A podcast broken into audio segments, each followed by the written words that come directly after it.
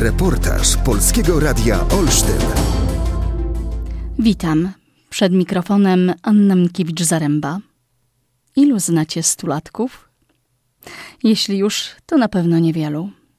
Poznałam ostatnio Danutę Micińską-Szutkowską, która po studiach na warszawskiej ASP zamieszkała w okolicy Węgorzewa. O czym dziś mówi pani Danuta? Jakie wydarzenia najbardziej pamięta? Co chce przekazać słuchaczom? Zapraszam do wysłuchania reportażu zatytułowanego Dobiegając setki.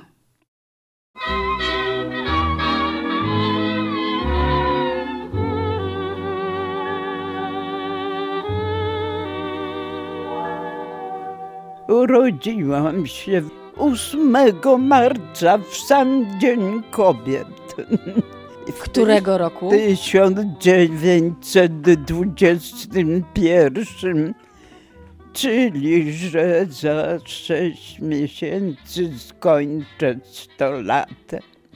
To, że dobre geny to jest ważne, ale oprócz tego nie trzeba tego zmarnować.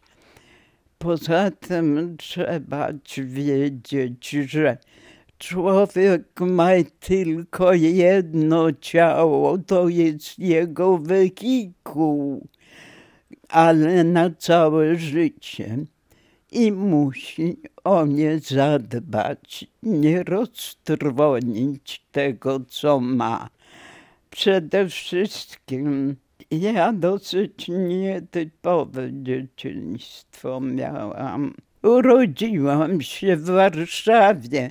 Moi rodzice pochodzili z rodzin polskich zasiedziałych na Podolu.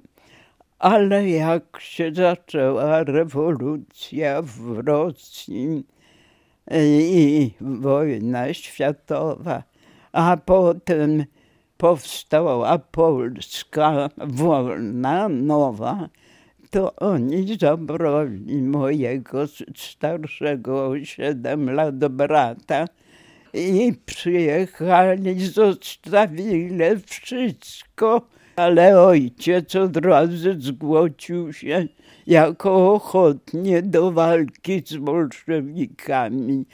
Dzisiaj już o bolszewikach ludzie zapomnieli. Nie bardzo wiedzą, co to jest. Bo wie pani, jak się tak długo żyje, to się okazuje, że się przeżywa kilka epok, szczególnie w takim niespokojnym wieku, jaki mamy teraz, dwudziesty i dwudziesty pierwszy. To bardzo niespokojne czasy i bardzo szybko wszystko się zmienia. Wie pani, dzisiaj ludzie za mało wiedzą o tym dwudziestoleciu, bo przecież można sobie wyobrazić, że wybucha wolna Polska i z całego świata Polacy, którzy tęsknili za ojczyzną, zbiegają się do Polski i do Warszawy. I co się robi? Brakuje mieszkań. Mało tego, ale brakuje również pracy. No mama domem się zajmowała, miała małe dziecko przecież mnie. A ojciec dostał wreszcie pracę w amerykańskiej firmie jako księgowy. Jak miałam iść do liceum, to ojciec mnie zabrał do takiej poradni dla młodzieży, gdzie badali na jaki kierunek powinien się kierować. I co powiedziano w poradni? A ponieważ ja bardzo dużo rysowałam, to oni powiedzieli, że ja powinnam iść na architekturę. tylko trochę się pomylili, bo architekt musi być dobrym matematykiem. No w końcu nie skończyłam właściwie, bo wojna się zaczęła.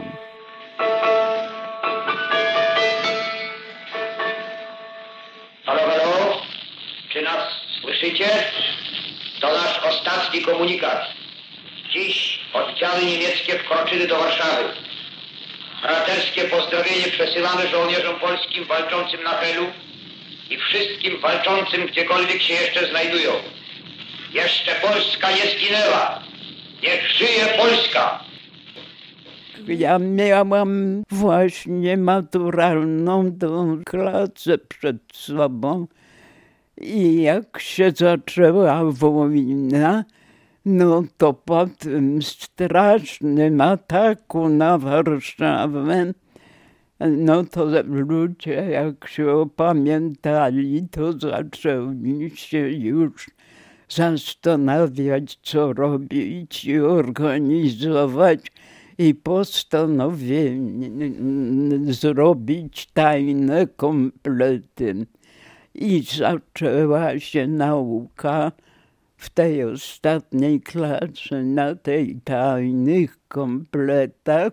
No to jak skończyłam, no to mieliśmy zdawać maturę. I to wypadło nam w październiku. I ostatnia lekcja miała być u mnie. Ale nagle poprzedniego dnia ktoś przyszedł i mnie, mnie, że będzie u innej koleżanki. Wracam z tej lekcji, wchodzę w bramę, patrzę u wyloty, stoła gromada kobiet z naszej kamienicy z dozorczynią rozmawiają. Wchodzę i patrzą na mnie jakimś dziwnym wzrokiem. Skręciło w stronę naszej klatki schodowej, a dogania mnie dozorczyni, zatrzymuje i mówi, że moich rodziców zabrało gestapo i zawieźli na Pawiak. No i mamę wypuścili, bo się zorientował, że widocznie nie wiem, o co oni ojca oskarżali i o co podejrzewali. Ale na wiosnę wywieźli go do Święcimia. W czerwcu przyszła wiadomość ze Święcimia, że ojciec nie żyje. Ale ja miałam straszny szok.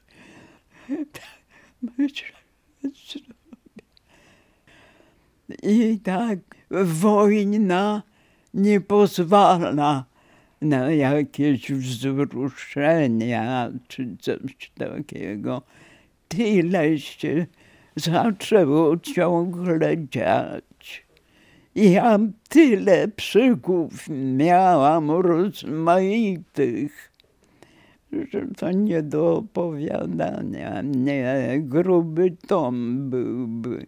Bo ja poszłam, jak już potem Niemcy zostali przepędzeni na zachód dalej, jak można było przejść przez Wisłę, to ja poszłem do tych ruin Warszawy i tam do naszego domu i zobaczymy, że nad naszym mieszkaniem taka piramida cegieł leży.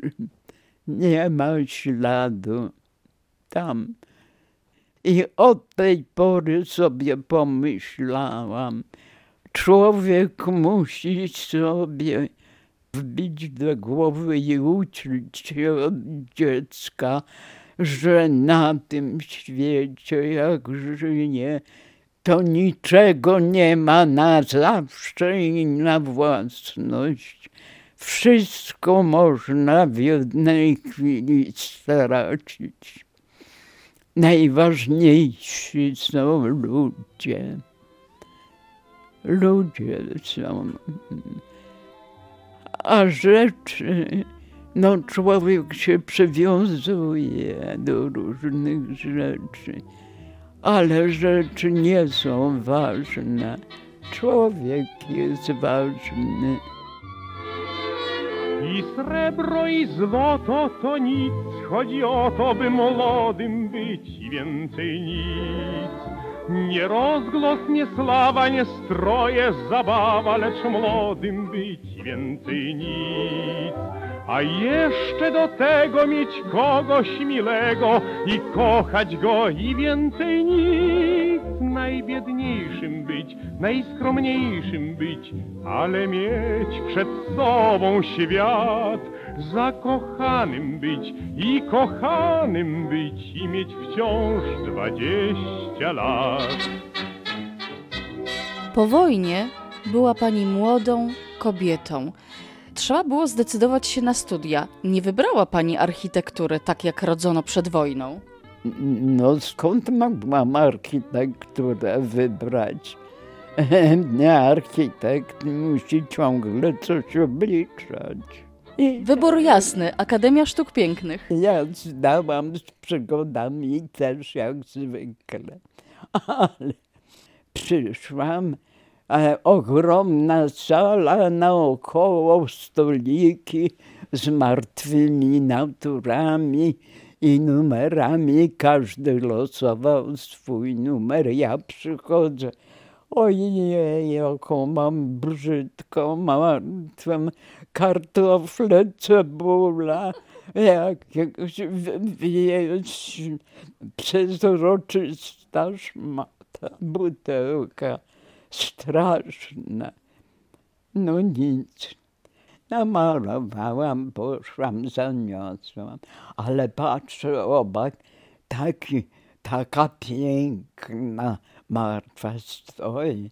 Szafirowa tkanina, taka mocna w kolorze i leży wielka gipsowa głowa jakiegoś bóstwa greckiego, bo przed wojną to oni to gipsy tam rysowali. Ale myślę, że tyle mam czasu jeszcze, to sobie i to namaluję. I namalowałam jeszcze i tą. I przychodzę potem wyniki zobaczyć na drzwiach w akademii, w sekretariacie wywieszone. Patrzę, taka długa lista, patrzę, szukam. Nie ma mnie. Niech pani zobaczy, jest druga lista. Patrzę, mała, 48. I wreszcie czytam tytuł, co tam. Lista osób przyjętych na stałe do, na studia. A w tej długiej liście, lista osób przyjętych warunkowo. No to się uspokoiłam i poszłam do domu. I pierwszy rok był w tej sali.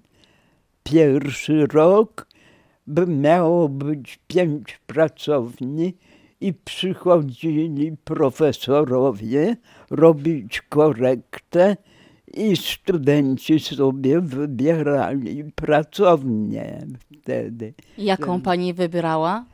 A mnie się podobała pracownia.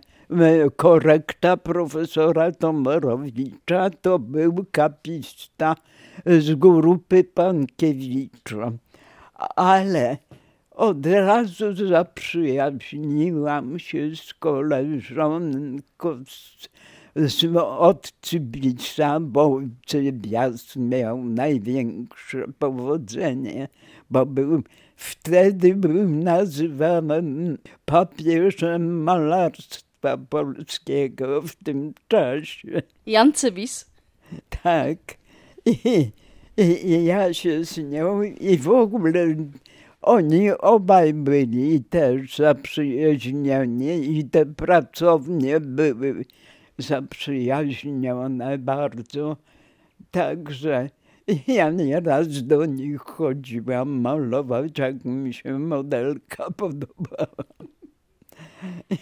Patrzę na, na prawie stuletnią kobietę, widzę zadbaną, uczesaną, ładnie ubraną, filigranową. To jest jej zasługa. To znaczy, to jest w nas chyba coś takiego, że to poczucie estetyki powoduje, że my sami potrafimy się kontrolować nie kontrolować. To jest spontaniczne. To jest spontaniczne, tak jak we mnie to jest spontaniczne, bo całe życie ubierałem innych, więc siebie też ubieram.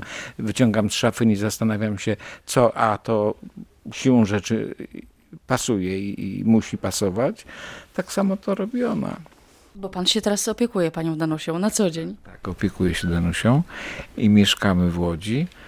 Nie malujemy razem, dlatego że Danusia już nie maluje.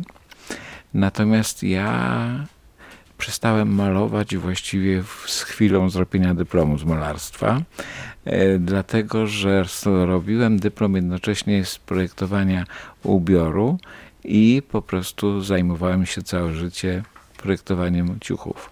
Po prostu. Mnie jako dziecko bardzo małe zachwyciłam się wsią w ogóle i chciałam mieszkać na wsi. Mój mąż jak wrócił z obozu, to on osiedli się tak, bo część jego rodziny też tam zamieszkała. To nie było w Węgorzewie, tylko pięć kilometrów od Węgorzewa, kolonia rybacka. Ja w ogóle nie znałam takiego życia na wsi, ani ludzi tych. Na mnie mówili warszawianka. To po ilu latach wróciła pani do malowania? Ja do malowania nie miałam czasu wracać. Po długich latach dostałam pracę w Domu Kultury. Zawarłam umowę jako pracownik godzinowy, że będę prowadzić malarstwo z dziećmi tak zwane kidrygałki Danusi, tak się te dzieła sztuki nazywają. O, tu są tkactwo. Zaczęło się od wzorów mazurskich, a proszę popatrzeć, jakie to są. Chcemy wydać książkę Danusi. To się będzie nazywało Kolory na szarówkę. Tu są wiersze, ale musi je pani sama poczytać i właśnie te te kompozycje kolorystyczne. Ale malarstwo przede wszystkim. To jest, to jest Basiu, przede wszystkim fidrykałki, malarstwo. Tak, tak, tak, no bo Danusia jest malarką w zasadzie. Nie miała czasu na promowanie siebie, a może inaczej, nie miała takiej potrzeby I nie prostu. lubiła tego, i nie, nie lubiła tego. Była skromną osobą, nieprzeciętnie inteligentną, nieprzeciętnie błyskotliwą, natomiast po prostu tej siły przebicia nie miała i nie potrzebowała po prostu. To, co robiła, robiła, to robiła to z pasji, to, co jej sprawiało przyjemność, do szuflady po prostu. A w tej chwili się okazuje, że tego jest bardzo dużo, prawda? A poza tym bardzo fajnie, że uchowały się te jej autoportrety jej z pierwszego okresu po, po akademii, które są po prostu no, nieprzeciętne. Ja jak zobaczyłem pierwszy raz, to mi się z Goją skojarzyły, takie drapieżne, takie właśnie takie bardzo, bardzo ekspresyjne szalenie. I kolor tutaj, w ogóle Danusia była zawsze bardzo y, specyficzna, jeśli chodzi o kolor. Wrażliwość miała niesamowitą. Ja poznałem Danusię w 1983 roku, kiedy jako młody szczyl, y, jeśli chodzi o, o moją działalność artystyczną, trafiłem do Warmii, do Kętrzyna jako projektant ciuchów. No i to był dla mnie start fantastyczny, jeśli chodzi o zawód, bo ja tam krótko byłem i dostałem propozycję wyjazdu do Brukseli, do, do, do szkoły projektowania. No ale znajomość powstała, została, że tak powiem, przetrwała do tej pory. No i, i, i, i, no i wtedy się właśnie zaprzyjaźniliśmy i ja byłem zafascynowany tym, jak ona dobiera kolory, bo ona była kolorystką w firmie, było trzech projektantów, a Danusia nam pomagała po prostu jako, jako właśnie kolorystka. I te wszystkie e, wystawy, te, które byliśmy wtedy, pokazy, które robiliśmy wtedy, to właściwie one były specjalne z tego powodu właśnie, że kolor był taki znaleziony, taki wyszukany, z taką wrażliwością zestawiany, tak niekonwencjonalnie, bo takie zestawienia, które potem przyszły, znalazły się w modzie, jakieś granaty z brązami na przykład, co wtedy, kiedy jeszcze ja byłem w szkole, to, to uchodziły za bezguście, prawda? A tu proszę bardzo. Tak, a one się znajdowały, znajdowały świetnie i w jej malarstwie z lat 60. i w tych doborach kolorów, które nam proponowała i które my przyjmowaliśmy, bo sami byliśmy zszokowani, jak to fantastycznie wygląda. Prawda? Wie pani, jak ja dochodzę do tych stu lat, to ja się czuję jak samotna wyspa na oceanie, bo z moich kolegów ze studiów, czyli blisko już tak niedawno niby, już nikt nie żyje. Ciągle nekrologii widziałam. Co jest w życiu najważniejsze? Miłość. I srebro, i złoto to nic, chodzi o to, by młodym być i więcej nic. Nie rozgłos, nie sława, nie stroje, zabawa, lecz młodym być więcej nic. A jeszcze do tego mieć kogoś milego i kochać go i więcej nic. Najbiedniejszym być, najskromniejszym być, ale mieć przed sobą świat. Zakochanym być i kochanym być i mieć wciąż dwadzieścia lat. Tak śpiewał w 1938 roku Mieczysław Fok.